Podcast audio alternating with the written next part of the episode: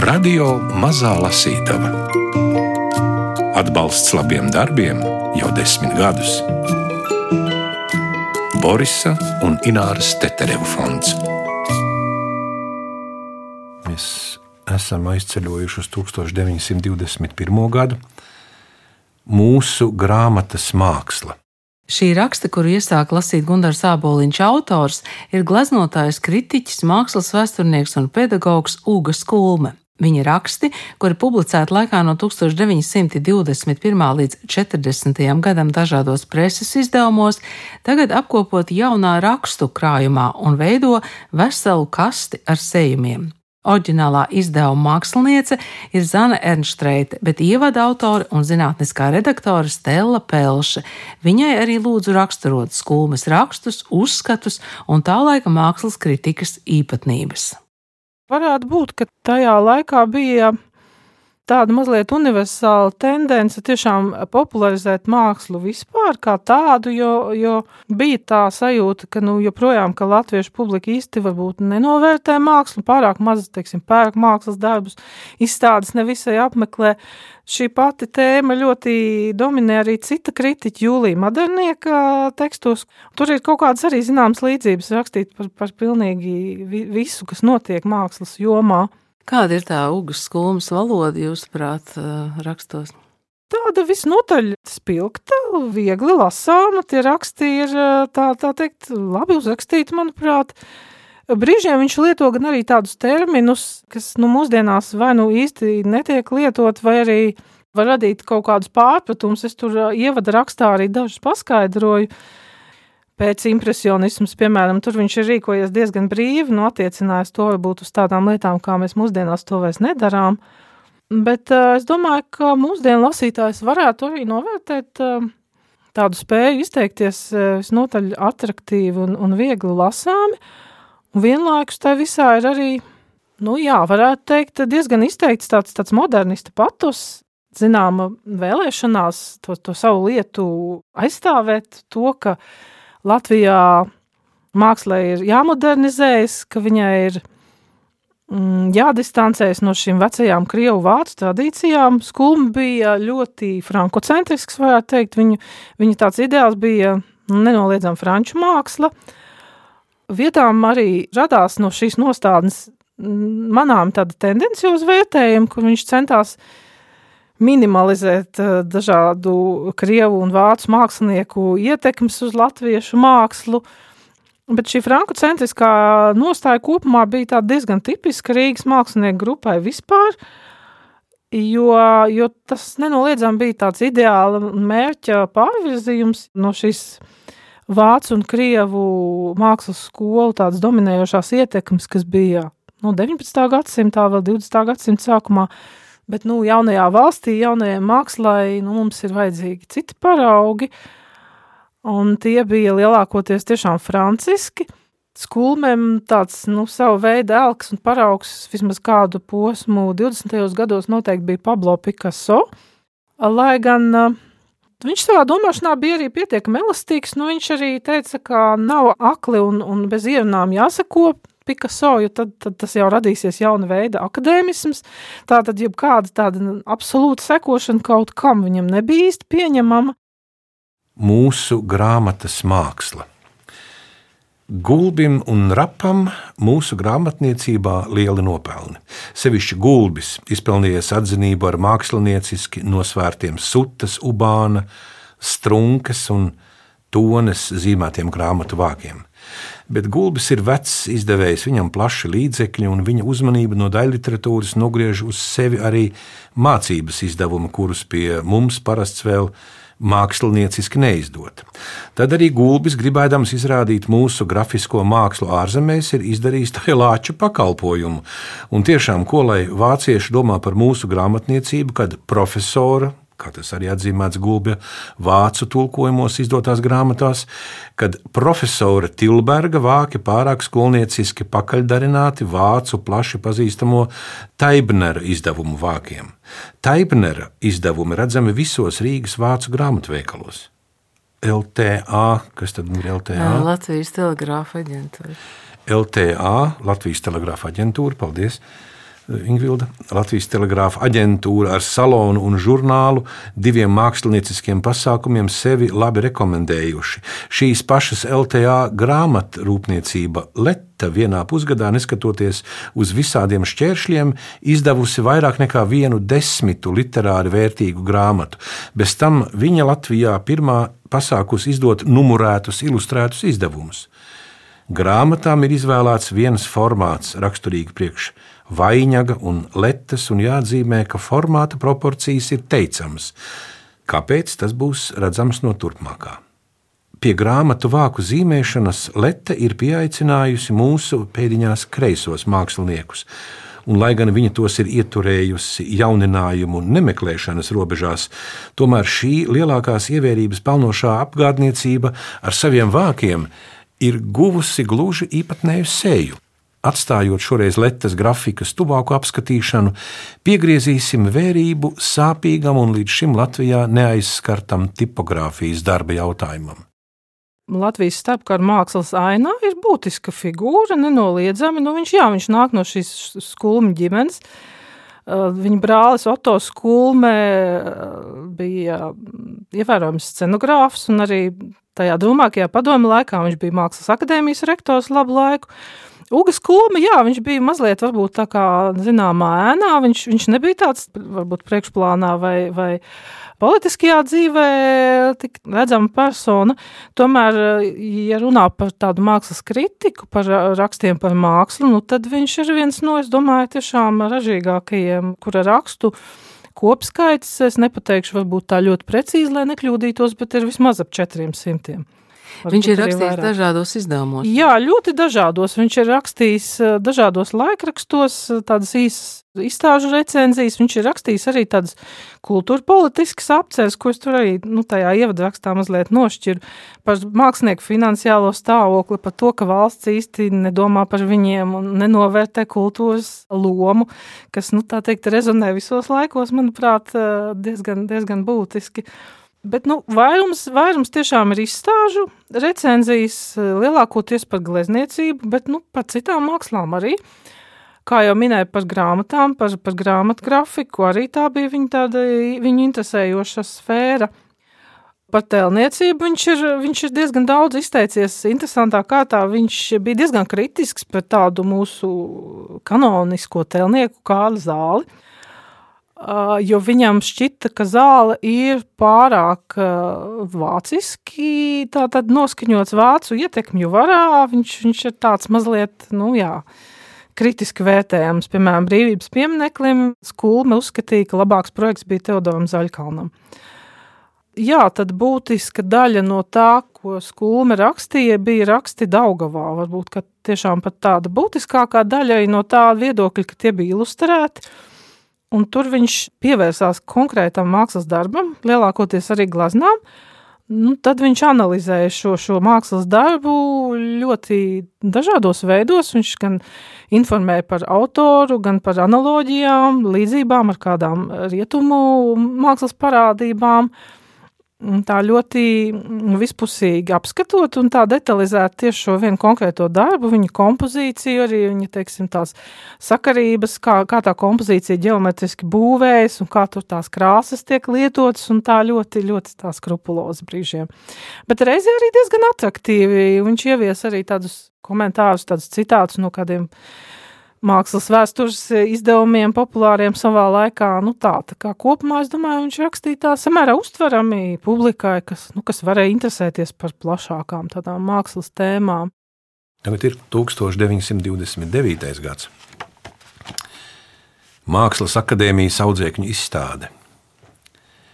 Franču simbolistu kritiķis un kolekcionārs Feliks Feneons 1914. gadā publicēja divus sarakstus. Vienā atzīmēti akadēmijas laureāti par 30 gadiem, otrā nediplomētie oficiāli ilgi neatzītie franču mākslinieki. Pirmajā sarakstā nav neviena vārda, kas ārpus Francijas robežām nopietni tiktu pārrunāts.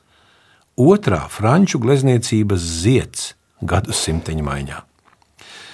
Tādus pat pārliecinošus salīdzinājumus varētu dot katra valsts.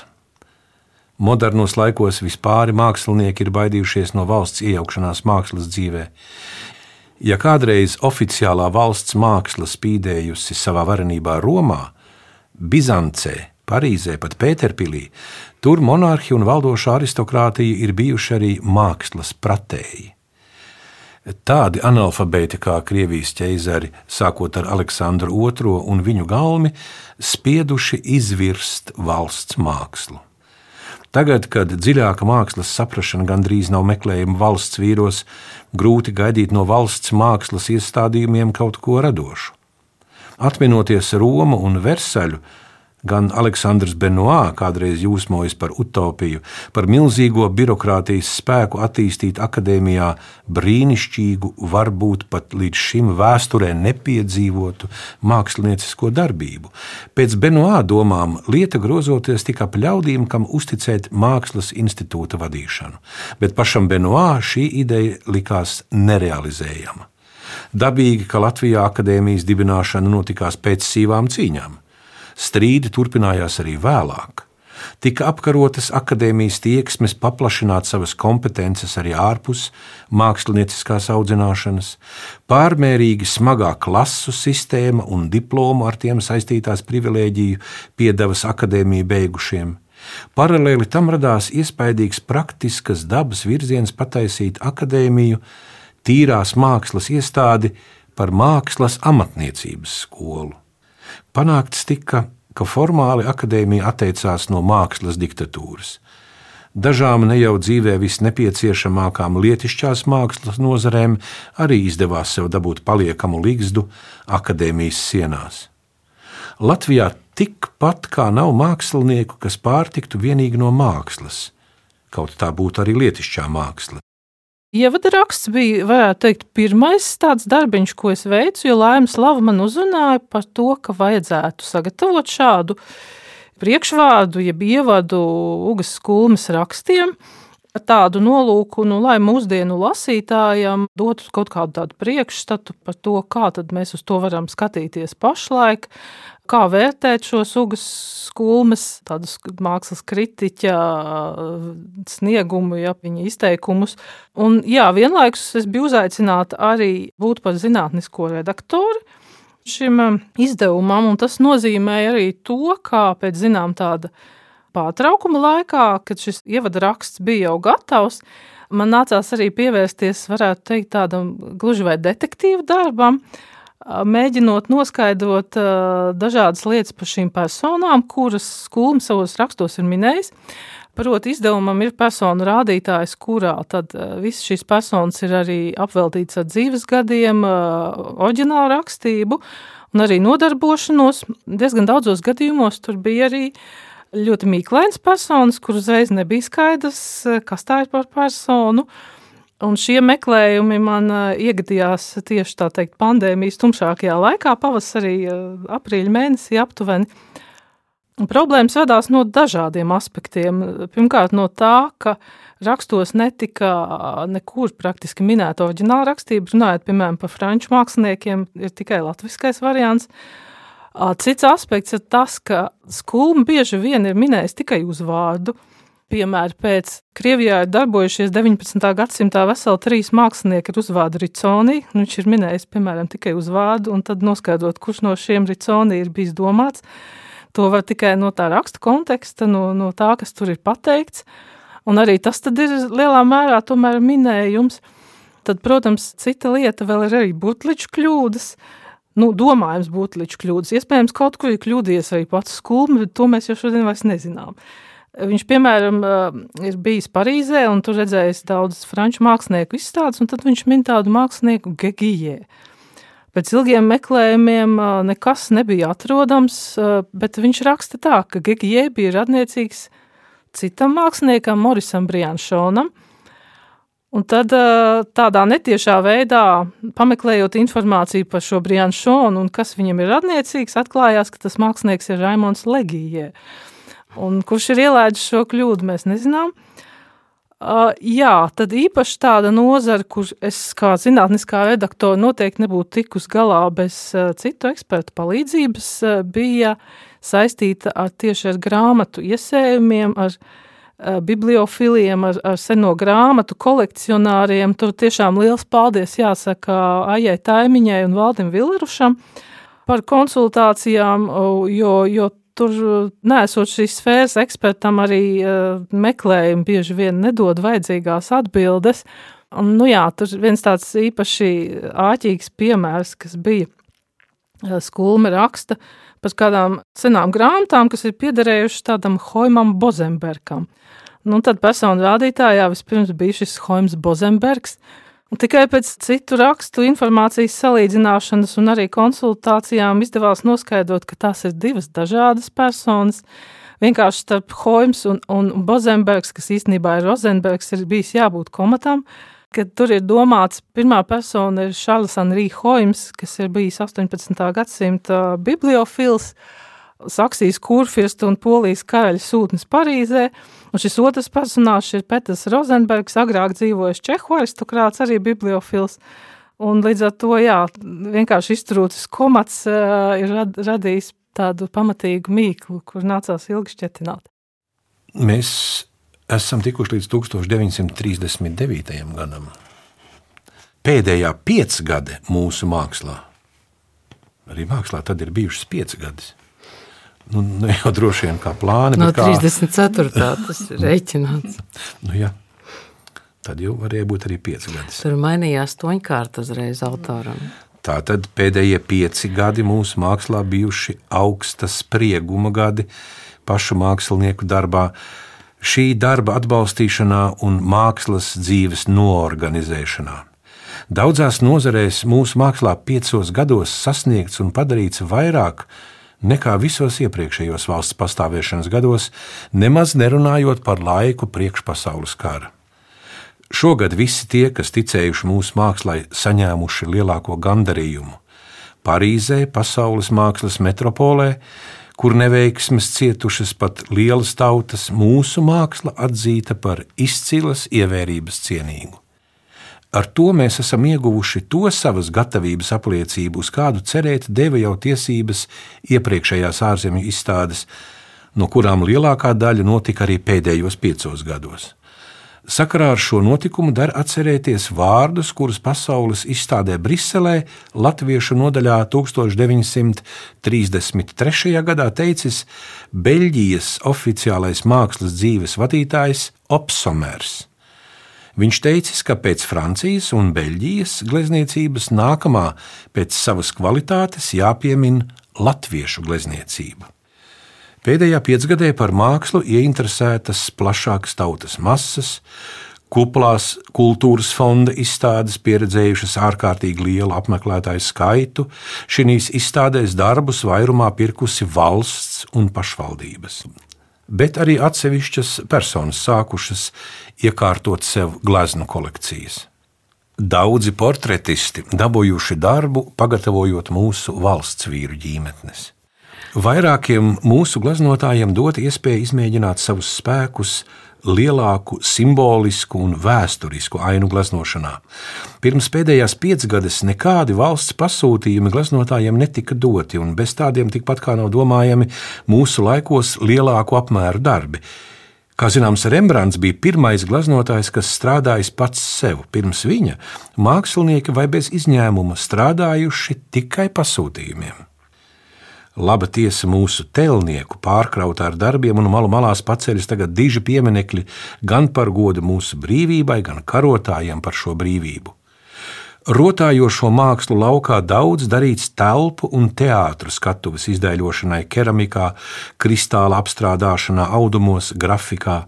Starptautiskā mērogā mūsu nodaļa pasaules izstādē 1937. gadā godam varēja sacensties gaumes ziņā ar visu citu zemju paviljoniem. Mums beidzot parādījušās grāmatas ar īsto grafiku, kogriezumiem, grebumiem, asējumiem, litogrāfijām. Liela vērība piegriezta grāmatas sējumam. Ja esam pieskārušies grāmatai, tad nevar neminēt graznos un krietnos izdevumus par latviešu mākslu. Tie iztur salīdzinājumu ar šāda veida lielo tautu izdevumiem. Parādījušās arī populārākas grāmatas par latviešu māksliniekiem. Pateicoties atbalstam, ko ar saviem gleznu krājumiem dod valsts, bet arī pašas netaupot līdzekļus mākslai, vairākas mūsu pilsētas dibinājušas un turpina dibināt mākslas muzejus. 39. gads. Lai koordinētu mākslinieku biedrību darbību, tās apvienotas vienā biedrībā, bet neņemot iespēju katrai grupai parādīt savas īpatnības kā kopējās biedrības sekcijām. Visa mākslas dzīve pakļauta attiecīgai kamerai, tādā kārtā dodot māksliniekiem viņu darbības laukā pašiem savu vadību. Šīs jaunās organizācijas jau paspējušas sarīkot kultūras nedēļas laikā daudzas mākslas izstādes provincē. Senatne un māksla, otrais numurs, 1939. gads. Dažādu laiku Ugas skulmes rakstus lasīja Gunārs Sāboliņš, ar ievadu autoru Stelu Pelši sarunājās Ingvilda Strautmane. Ugas skulmes rakstus izdevis Neputns. Radio Mazā Lasītava Atbalsts labiem darbiem jau desmit gadus. Borisa un Ināras Tetereva fonds.